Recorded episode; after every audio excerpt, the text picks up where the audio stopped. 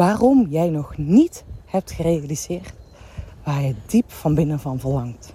Hey, tof dat je weer luistert naar een nieuwe podcastaflevering. En ik was net aan het wandelen en ik, tijdens het wandelen deed ik soort van mijn check-in. Het is voor mij echt essentieel dat ik iedere dag eerst naar binnen keer. En dan pas naar buiten. En nou ja, voordat ik moeder was, was het echt vrij easy. Stond ik om vijf uur op en ging ik uh, gewoon eerst, oh, vond ik zo fantastisch, de wereld werd wakker. En dan had ik eerst tijd voor mezelf. En, nou ja, dat. Nu, de eh, laatste dagen merk ik dat als ik vroeg opsta, dat die kleine ook wakker wordt. Dus ja, dan uh, is eigenlijk niet de bedoeling. Dus blijf ik maar liggen. Want, nou ja, ze is een beetje ziekjes en dat soort dingen. Dus ben ik aan het kijken, hey, hoe kan ik die check-in op een andere manier doen? Want om hem dan te vergeten en niet te doen, mee te gaan in de waan van de dag, dat is natuurlijk zonde. Want dan laat ik me leiden in plaats van dat ik mijn eigen leven leid. En in mijn optiek is dat voor mij echt essentieel. Ken je hem? Hier komen. Ik kom even bij hem weggaan. En dan mag die hond wel naar mij komen. Dus dat is voor mij echt essentieel. Dan ben ik echt aan het kijken van... Hé, hey, hoe kan ik dat op mijn manier doen? Hoe kan ik daar ruimte voor pakken? Hoe kan ik dat ruimte voor pakken? Ook als ik met Nora samen ben. Dus dat vind ik ook een mooie. En nu ben ik dus lekker dat aan het doen tijdens het wandelen. Aan het mijmeren. Aan dingen aan het lie down. Aan het zeggen. Aan het inspreken. Um, inchecken in mijn lijf. Hoe voel ik me? Hoe wil ik vandaag het verschil maken? Um, en ik voelde heel erg bij die vraag, laatste vraag, hoe wil ik vandaag het verschil maken? Dat ik daar een podcast over op wilde nemen. Waarom heb je nog niet datgene gerealiseerd waar je diep van binnen van verlangt? En de vorige podcast, die, uh, de vorige podcast die ging over je body herinnert alles. Jouw lichaam herinnert alles. Dat is ook iets waar ik diep van binnen echt heilig in geloof. Dat jouw lichaam alles zit op celniveau opgeslagen. En nou, luister echt die podcast. Uh, ik heb daar ook heel veel reacties op gekregen. Uh, schijnbaar uh, raakt het mensen. En weet je wel, we hebben natuurlijk een bewust brein. Of ik weet niet of het brein, maar je hebt het, je bewustzijn wat in jou, waar je bewust van bent. En je onderbewustzijn. Nou ja, en er gebeurt natuurlijk heel veel in jouw onderbewustzijn. Er gebeurt echt heel veel. En daarom dat, dat je lichaam alles herinnert. En dat je op basis daarvan dus ook handelt. Dus moraal van het verhaal is wat ik jou vandaag wil delen. Oh, nee, hij is niet zo kort hoor jongens. Ik ga nog verder. maar moraal van het verhaal is... Dat als jij datgene nog niet hebt gerealiseerd... Wat je, waar je diep van binnen van verlangt... Is dat je er zelf niet genoeg overtuigd bent dat je het überhaupt kan realiseren. Je bent onbewust veel meer op het negatieve gefocust, op de angst gefocust, jouw mindfucks gefocust, op jouw, ja, datgene waarom het niet zou lukken. Jouw belichaming is daar nog niet. Je belichaamt het nog niet. En ik wil je meenemen in deze podcast. Oké, hoe kan je hiermee aan de bak gaan? En gisteren had ik ook nog een klant en die zei: ja, maar dat moet ik gewoon dus iedere dag doen. Nou ja, ik wil je echt uitnodigen dat je iedere dag tijd neemt om jouw leven te creëren. Om stil te staan. Hé, hey, Nora. die kleine hangt op mijn buik en doet ineens de ogen open zo. Ik heb er in de draagzak zitten. ja, blauwe stuiters kijken mij uh, helemaal recht aan. Fantastisch, hè, lieverd. Het is mooi aan de takken aan het kijken. Ja, het is fantastisch. Maar ik wil je uitnodigen iedere dag daar bewust tijd voor te nemen om jouw leven te creëren. Om kiezen hoe je dag eruit ziet. Kiezen hoe jouw leven eruit ziet. Kiezen hoe je impact wil maken. Kiezen waar jij energie van krijgt. Dat je echt, dat zei ik net al een keer, dat je echt jouw leven gaat leiden. In plaats van dat je geleid wordt door jouw leven. Dus kap met die automatische piloot. Ga jezelf daarmee dus nou, programmeren. Ja, zo is het eigenlijk wel een beetje. Weet je, doordat ik vroeger ook tijdens mijn topsport dingen ben gaan uitspreken dat ik dat graag wilde, is het ook gerealiseerd. En ik kijk nu terug op mijn leven en denk ik, ja wauw, ook het plek waar we nu wonen. Ik wilde heel graag een een langgevelboerderij. Waarbij ik in het achterhuis kon werken. En als ik dan de tuindeuren opendeed, dat ik zo de tuin in liep. Nou ja, weet je, we hebben geen langgevelboerderij. Maar ik heb wel een huis met een gebouw erbij.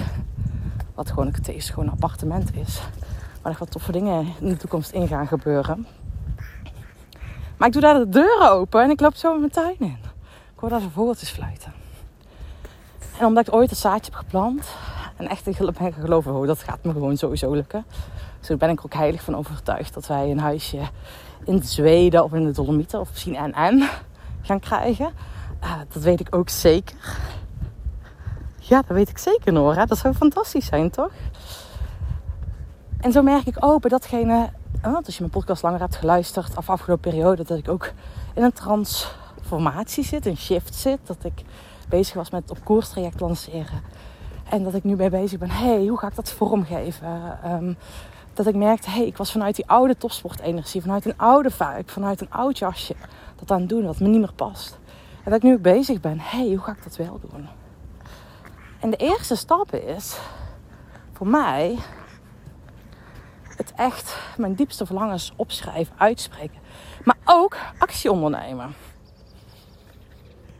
Ja, en daar wil ik wat over delen. Ik wil je bedelen een uh, persoonlijk verhaal. Um, iets waar ik echt niet weet wat ik daar... Jawel, weet ik trouwens wel. ik ben mezelf wat mindfucken. Wat ik wel spannend vind. Wat ik ook wel... Waar mijn mind nog wat van vindt. Dus ik weet op het moment dat deze stemmetjes... Mijn mind er niks meer van vindt. Als ik... Um, het volledig belichaam, volledig in geloof, dan is het zo in de werkelijkheid. Oh, ik zag een hertje. Ha, schattig. Oh, fantastisch. Zo even zo'n staartje weghuppelen.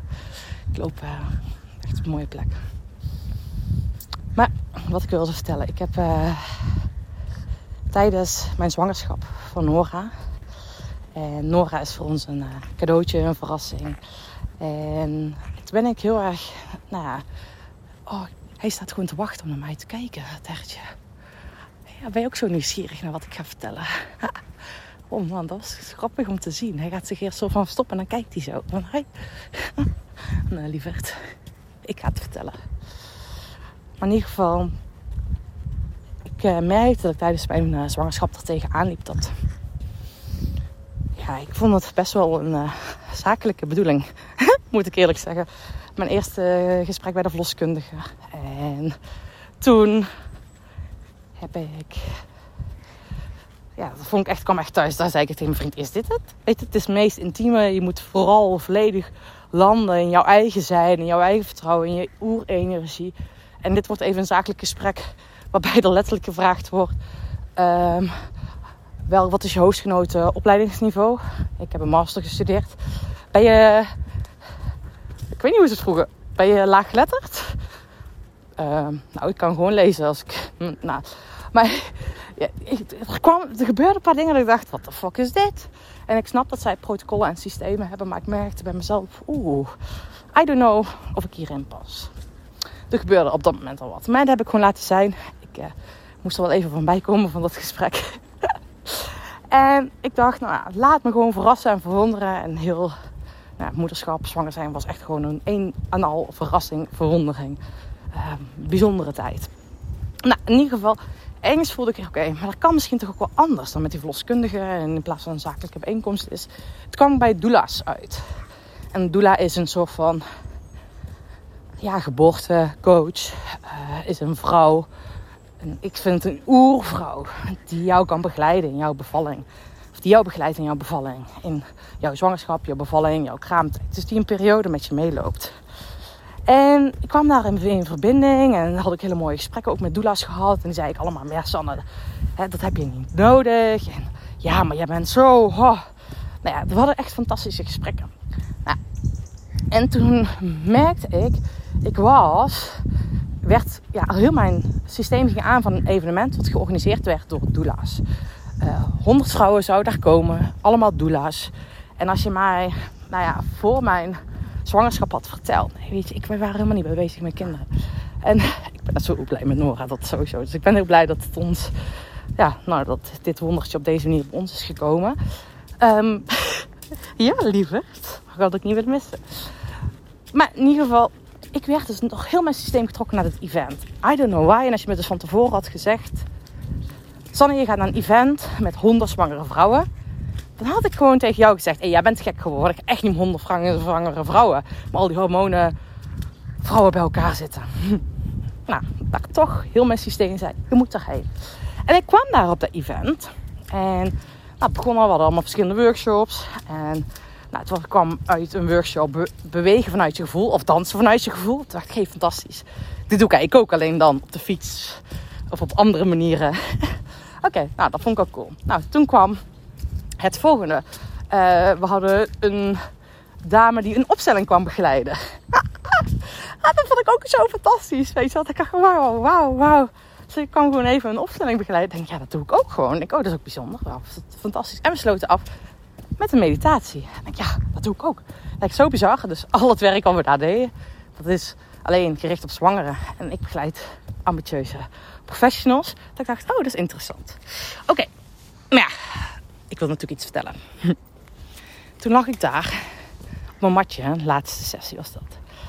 Een hele mooie meditatie en ik merkte wel dat ik onrustig was. En ja, ik weet niet, dat heb je soms, weet je, dat je denkt, oké, ik kan eigenlijk helemaal niet tot rust komen. En nou, laat maar zijn. Het is gewoon zoals het is. En dan maar minder rustig hier op mijn meditatiemastje, weet je.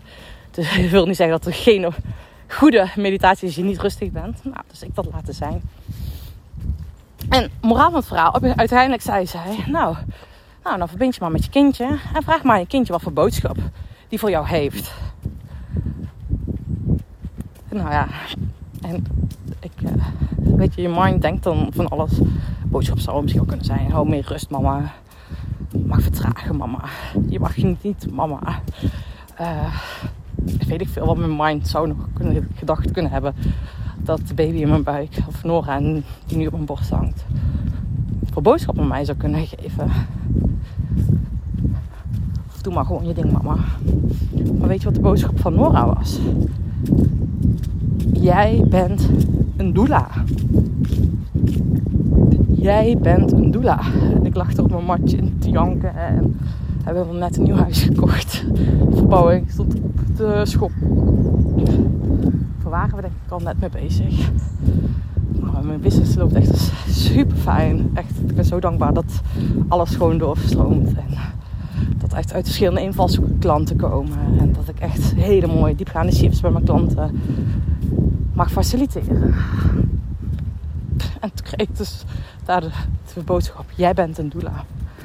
En daar lag ik dan te janken, volle bak. Ik dacht, wat de fuck is dit? Wat moet ik hier nu mee?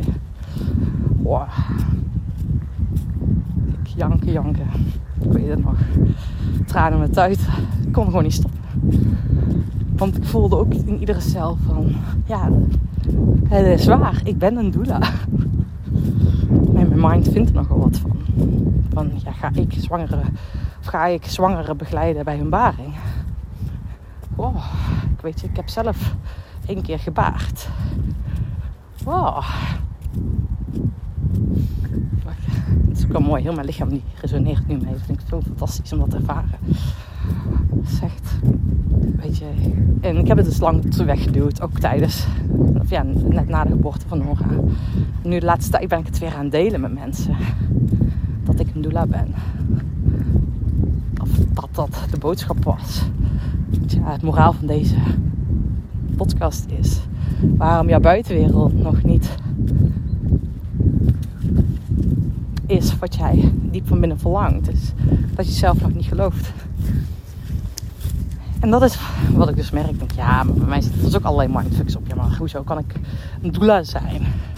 En wie zit er nu op mij te, te wachten? Nou, die, die heb ik ondertussen wel geshift. Die denk ik echt, wauw, dat sowieso wel. Maar wie ben ik? En jeetje, ga ik heel mijn business nu weer transformeren. En jeetje, op welke manier kan ik dat dan gaan doen?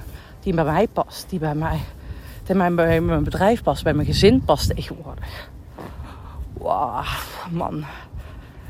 Dus dat is een diep verlangen.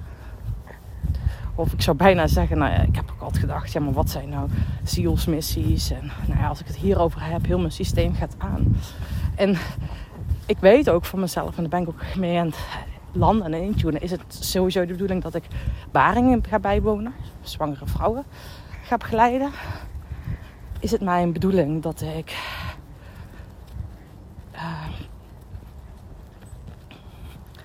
Ja, of is het mijn bedoeling om mensen echt te begeleiden in hun rebirth, wedergeboorte, in hun geboorte, in hun geboorte van datgene wat ze de wereld in te zetten hebben. En, en dat vind ik heel vet, want ik voel, eigenlijk dat het beide is. Het is beide, het is beide. Dus het is en met de waring. En nou, toevallig, dat is natuurlijk niks toevallig. Ik heb de, aan mijn beste vriendinnetje uh, tijdens mijn uh, zwangerschap, aan het einde van mijn zwangerschap volgens mij, een traject uitgeschreven. En dat is waar ik vandaag trouwens aan ga werken. ja, ook uh, grappig. Hè? Je voelt, je hoort meteen mijn excitement. um, heb ik een traject uitgeschreven voor vrouwen, ondernemers. Vrouwelijke ondernemers die zwanger zijn.